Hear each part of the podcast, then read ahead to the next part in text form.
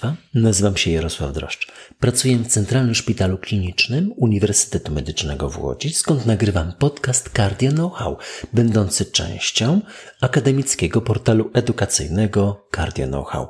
Jest on przeznaczony wyłącznie dla profesjonalistów i odzwierciedla wyłącznie moje osobiste poglądy. Zerkam czasem na przesyłane przez pana doktora Pawła Maesera statystyki naszego podcastu. Jak Państwo wiecie, mamy profesjonalną ekipę Fundacji Uniwersytetu Medycznego w Łodzi, panią Natalię Stanisławską i panią prezes Joannę Bilczarek. Mamy pięciu lekarzy w zarządzie oraz grupę współpracujących informatyków z naszej uczelni oraz profesjonalne oprogramowanie pomagające w publikowaniu kolejnych epizodów podcastu na wszystkich światowych platformach podcastowych. Na ilu? No, gdzie ukazuje się Cardio Know-how? Jestem czasami o to pytany. Na wszystkich najważniejszych 40 platformach podcastowych. Tyle obejmujemy naszym zasięgiem. Widać tam wprawdzie dominację jednego Spotify. To ponad 78% dziś. No pozostałe to Apple Podcast, podcasty, Google Podcasts i inne. Mamy, dzięki Pawłowi Maeserowi, ich całą listę. I trafiliśmy właśnie do top 25% wszystkich światowych podcastów na naszej platformie hostingowej. Bardzo za to Państwu dziękuję, gdyż opracowanie i nagrywanie podcastów to jedno, ale ich odsłuchiwanie jest najważniejszą miarą świadczącą o potrzebie podyplomowej edukacji, w tym nowoczesnym medium. Przed rokiem mówiłem, w styczniu 23 mieliśmy dokładnie 73 143 emisje naszych 104 epizodów, z czego 4 piąte na urządzeniach mobilnych, a wśród wszystkich odsłuchań trzy czwarte odbywało się właśnie za pośrednictwem Spotify. A dziś, Państwo wiecie, to już trzy lata. Mamy już ponad 127 tysięcy emisji, z czego prawie 60 tysięcy w roku ubiegłym, czyli 2023. Z całości 145 epizodów w ubiegłym roku nagraliśmy ich wspólnie 46. Jako, że Państwo wiecie, staramy się publikować jeden epizod w każdym kolejnym tygodniu, niemal zawsze w piątek rano. Z całego roku zebrałoby się to już ponad tysiąc minut nagrania. A z trzech lat? Naturalnie trzy tysiące. No pójdziemy dość stabilnie. Dokładnie 3197 minut. Ile to godzin? 53. 53 godziny to ponad dwie doby nieprzerwanego słuchania. No tego wprawdzie nie polecam, no bo należy sobie robić przerwy na kawę. Aż 20 epizodów doczekało się emisji ponad tysiąc razy. No listę tych 20 zamyka epizod 129. Przełomowe wytyczne niewydolności serca ESC numer 1 oraz jednocześnie wakacyjna szkoła klinicznej kardiologii część siódma. A gdzie znajdujemy naszych słuchaczy? W 58 krajach. Ponieważ nagrywamy po polsku z transkryptem dwujęzycznym, polskim i ukraińskim, Wnioskuję, że słuchacie nas głównie Państwo jako Polacy, przybywający czasowo lub stale w 58 krajach. No ale 96% osób odsłuchuje nas z terytorium Polski.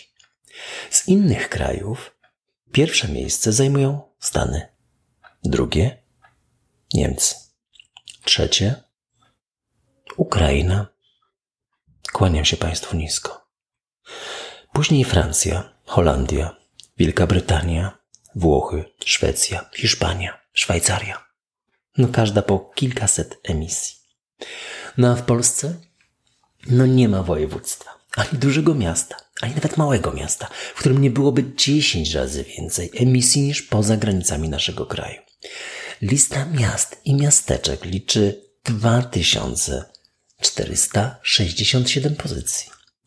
Z pewnością jest wśród nich aktualna lokalizacja pani i pana. Z analizy województw wychodzi mi ponownie, że dominuje. Skąd ja jestem? Hmm. Dominuje mazowieckie, dalej śląskie, potem małopolskie, wielkopolskie, dolnośląskie i dopiero teraz łódzkie. Na pozycji szóstej. Mam też zagraniczny ranking lokalizacji. Otwiera go niemiecki. Frankfurt nad Menem, dalej francuski. Saint-Cyr, później meksykański. Puerto Aventuras, Ashbourne. Z USA, Oslo z Norwegii, Exeter ze Szwecji. Oraz Ludzk, Turka, Kalusz, Ostroch i Kijów. Te miejscowości z Ukrainy. A dziś takie małe podsumowanie tego, co zrobiliśmy w 2023 roku. No, w styczniu i w lutym mieliśmy kilka epizodów specjalnych z udziałem młodych lekarzy. Epizod setny, no setny odcinek Cardio Know-how, zespół i dr Robert Morawiec. Epizod 101. Czy można biegać z chorym sercem? Dr Paweł Maeser. Epizod 102. Dr Aleksander Misiewicz i zanieczyszczenie powietrza choroby układu krążenia. Epizod 103. Czy zawsze mówimy tym samym językiem?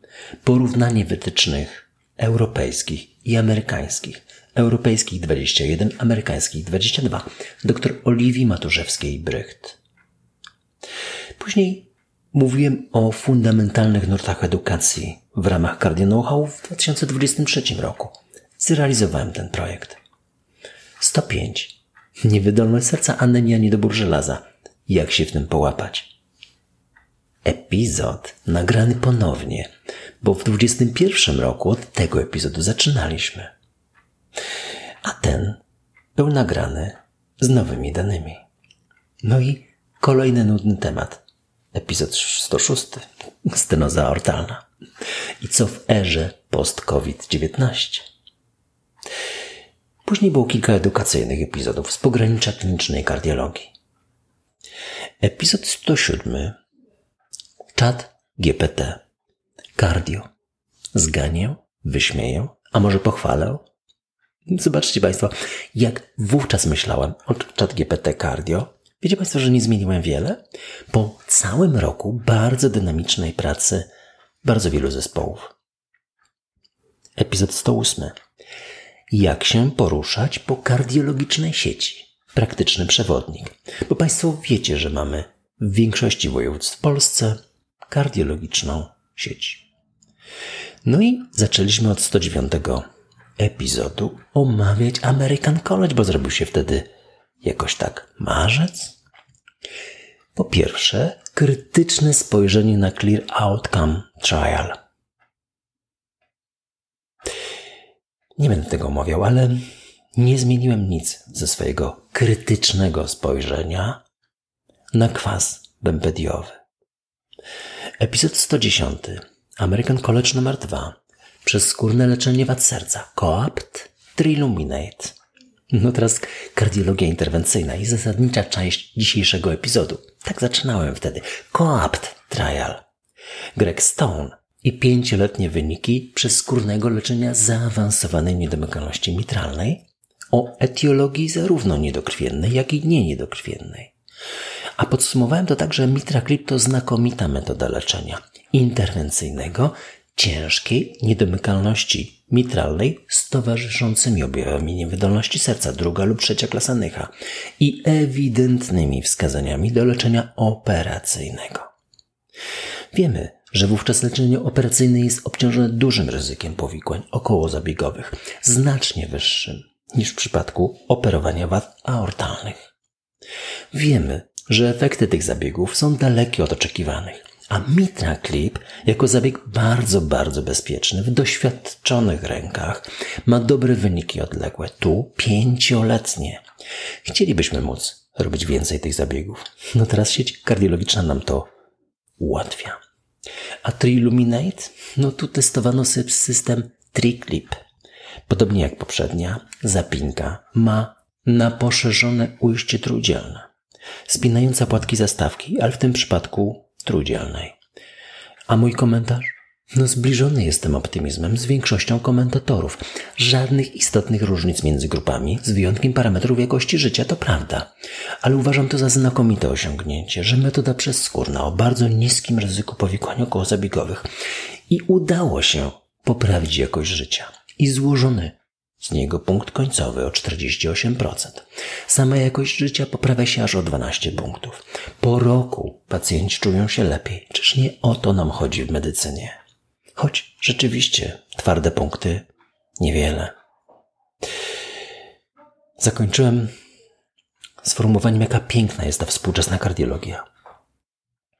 Interwencyjna, ale myślę, że każda jej odmiana. Epizod 111. American College numer 3. Choroba wieńcowa. Revived, Renovate Complex, PCI, Host Idea. Revive to pamiętacie Państwo, bo przedstawienie było na kongresie w American, y, bo przedstawienie głównych wyników badania Revived odbyło się pół roku wcześniej, podczas kongresu ESC już teraz, półtora roku wcześniej i zostało opublikowane w NAME. Mówiłem o nim w epizodzie 84. A badanie Revived odpowiada na pytanie, czy warto koncentrować się na koronografii, a przede wszystkim rewaskularyzacji u chorych z niewydolnością serca. Odpowiedź jest klarowna, choć nie przez wszystkich jednakowo rozumiana. Podczas tegorocznego kongresu American College zaprezentowano wyniki subanalizy skupionej wokół tematyki podgrup no, tej powyżej opisanej idealnej podgrupy kandydatów do rewaskularyzacji, revived, czy badanie żywotności w niewydolności serca typu HFrEF ma sens w XXI wieku? I czy dalej warto przeprowadzać koronarografię, gdy pacjent nie ma ostrego zespołu wieńcowego, a jedynie objawy przewlekłej niewydolności serca, nie ma stenokardii? I czy warto kwalifikować do rewaskularyzacji? Revived daje nam odpowiedzi na te pytania. Drugie badanie. Renovate Complex PCI. Pacjent ma klasyczny obraz choroby wieńcowej z istotnymi zwężeniami w wielu tętnicach wieńcowych. Jest kwalifikowany do przeskórnej rewaskularyzacji. Decyzja została podjęta i przeprowadzamy zabieg przeskórny. No to jak go przeprowadzamy? Patrząc na obraz angiograficzny? A może sięgamy po droższe, wymagające dodatkowego sprzętu i naszych wysiłków i czasu metody? IWUS, wewnątrznaczyniowa ultrasonografia, czy OCT, optyczna koherentna tomografia. A zakończyłem tak, że zapamiętujemy. Pacjent ze stenokardią to diagnostyka nieinwazyjna, a następnie, zależnie od wyniku, inwazyjna rewaskularyzacja z pełnym obrazowaniem IWUS OCT. No i to już moje dodatkowe wnioskowanie. Pacjent z niewydolnością serca bez ostrego zespołu wieńcowego, farmakoterapia. A zwolnione środki finansowe bez refleksyjnych koronarografii i rewaskularyzacji inwestujemy w nowoczesny sprzęt do oceny skuteczności interwencji. I na koniec host idea. Pamiętacie Państwo, nowoczesną grę planszową, współczesne leczenie przeciwpłytkowe, to epizod 42. No a dziś aktualizacja. Dziś, czyli wtedy. 111 epizod. Skracamy DAPT. No i co to źle? Nie, to dobrze. Nie warto utrzymywać długotrwałej DAPT, podwójnej terapii przeciwpłytkowej, stosując nowoczesne stenty, a takie przecież w Polsce mamy. A który lek odstawiamy z tych dwóch? No właśnie, który? Może warto jednak odświeżyć sobie epizod 42. A teraz kolejny epizod. American College numer 4. 112 w naszej kolejce. Niewydolność serca. Better Care. HF. I nowości ze świata Flozen. Omówię to pierwsze. Better Care HF. Wyobraźcie sobie Państwo, że siedzicie w poradni kardiologicznej, a przed Wami siedzi pacjent z typowymi objawami niewydolności serca. No, klikamy na napis wydrukuj receptę no, po badaniu i, i podjęciu decyzji. Nasz system chwilę zgrzyta po łączach, pojawia się komunikat. Pamiętasz o Wielkiej Piątce? Czy jesteś pewny, że Twój pacjent nie wymaga? No właśnie, czego jeszcze? Mamy zachowaną wolę i klikamy zamknij się. Czy cieszymy się z podpowiedzi? I dokładnie tego dotyczyło badanie Better Care HF. Połowa chorych była leczona w ramach klasycznego modelu. Po kliknięciu pojawia się recepta na leków na przykład 3, a w drugiej połowie system nas stymulował, żeby jednak o drożdżu pamiętać. O tej jego starczej dłoni z rozcapierzonymi pal palcami pięcioma do zliczenia. Po pierwsze diuretyk, beta-adrenolityk, po drugie inhibitor konwertazy bądź ARNI, po trzecie antagonista aldosteronu oraz flozyna, po piąte. Zatem recepta na leków 5. Czasem system powinien zasugerować zamianę inhibitora konwertazy na ARNI, gdy się doszukuje wskazań w swym komputerowym brzuchu. No jaki mamy zysk? No w samym badaniu Better Care HF to 10 uratowanych osób rocznie za sprawą prostego i taniego systemu komputerowego. W epizodzie 113 mieliśmy kardiologię w najnowszych statystykach. Styczeń-grudzień 2022. Co się działo w 2,5 milionowym województwie w centrum Polski? Bardzo szczegółowy raport. W 114. A, Niedługo będzie taki sam. Za rok 23. Nadal pełnię tą funkcję. Konsultanta stąd wiem.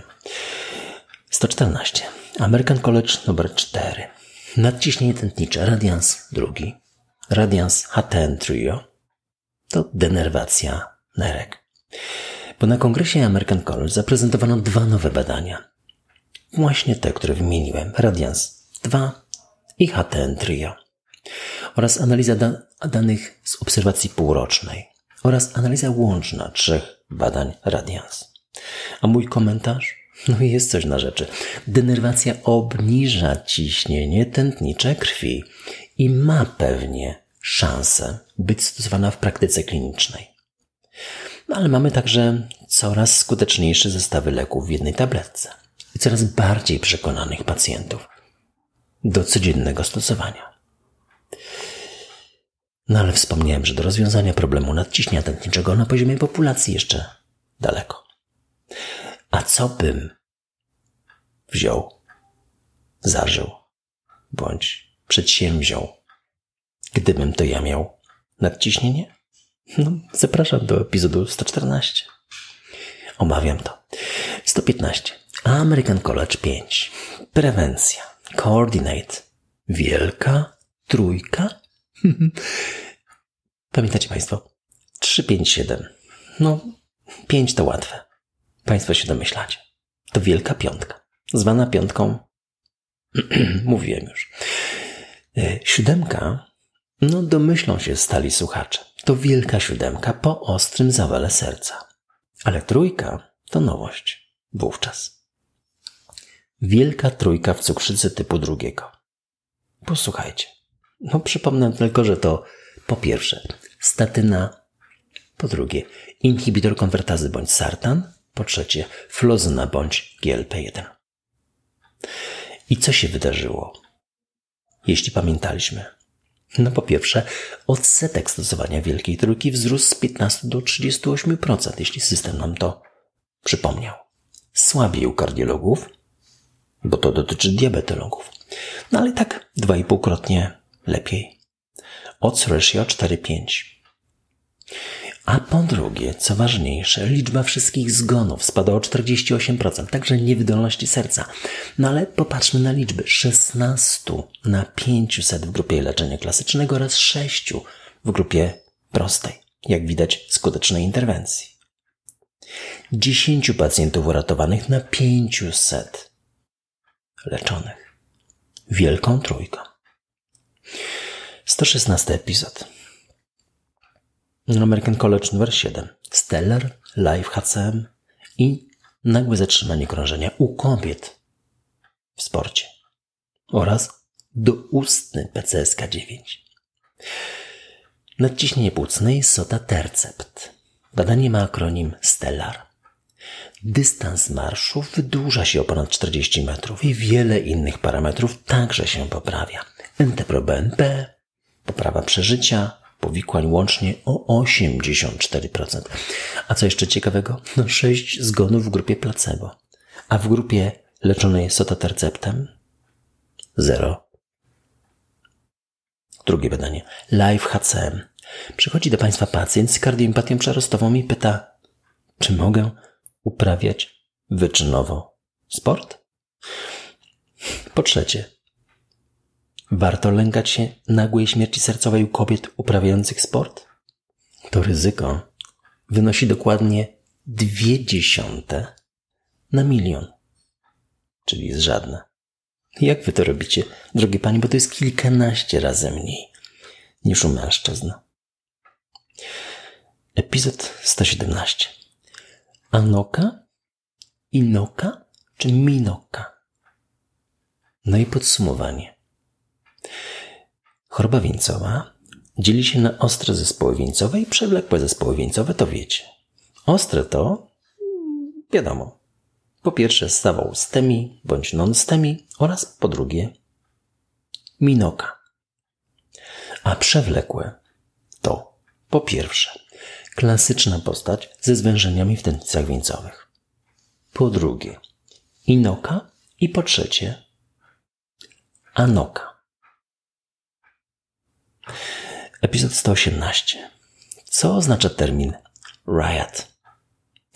I dlaczego oznacza zmierzch ewolokumabu?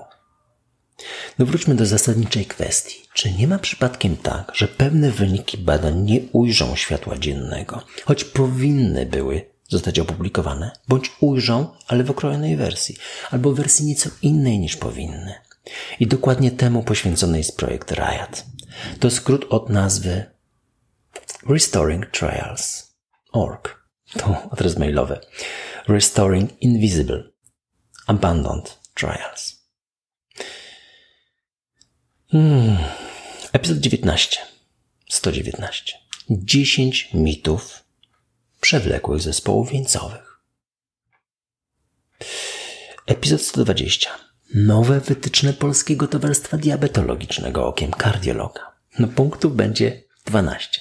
12 najważniejszych elementów nowych wytycznych PTD 2023. Ważny tekst. Bardzo dziękuję władzom Polskiego Towarzystwa Diabetologicznego o udostępnienie, za udostępnienie PDF dla wszystkich. No, dla mnie też. Osobiście bardzo za to dziękuję, bo o to prosiłem wiosną. 23. No i 121. Zaostrzenie niewydolności serca. Nowa definicja. Bo w maju 2023 roku ukazały się dwa ważne dokumenty dotyczące zaostrzenia niewydolności serca. Po tej stronie oceanu publikacja markometra Clinical Consensus Asocjacji Niewydolności Serca ESC, wydany na łamach European Journal of Heart Failure, a po drugiej na łamach JCC w ramach JCC Review Topic of the Week. W obu dokumentach Zaostrzenie niewydolności serca opisywane jest jako osobna faza w przebiegu tego groźnego i częstego schorzenia. W obu jest ważny polski akcent. Profesor Piotr Ponikowski, a w tej części europejskiej Ewa Jankowska. Obok najwybitniejszych światowych ekspertów tej tematyki. Cztery domeny.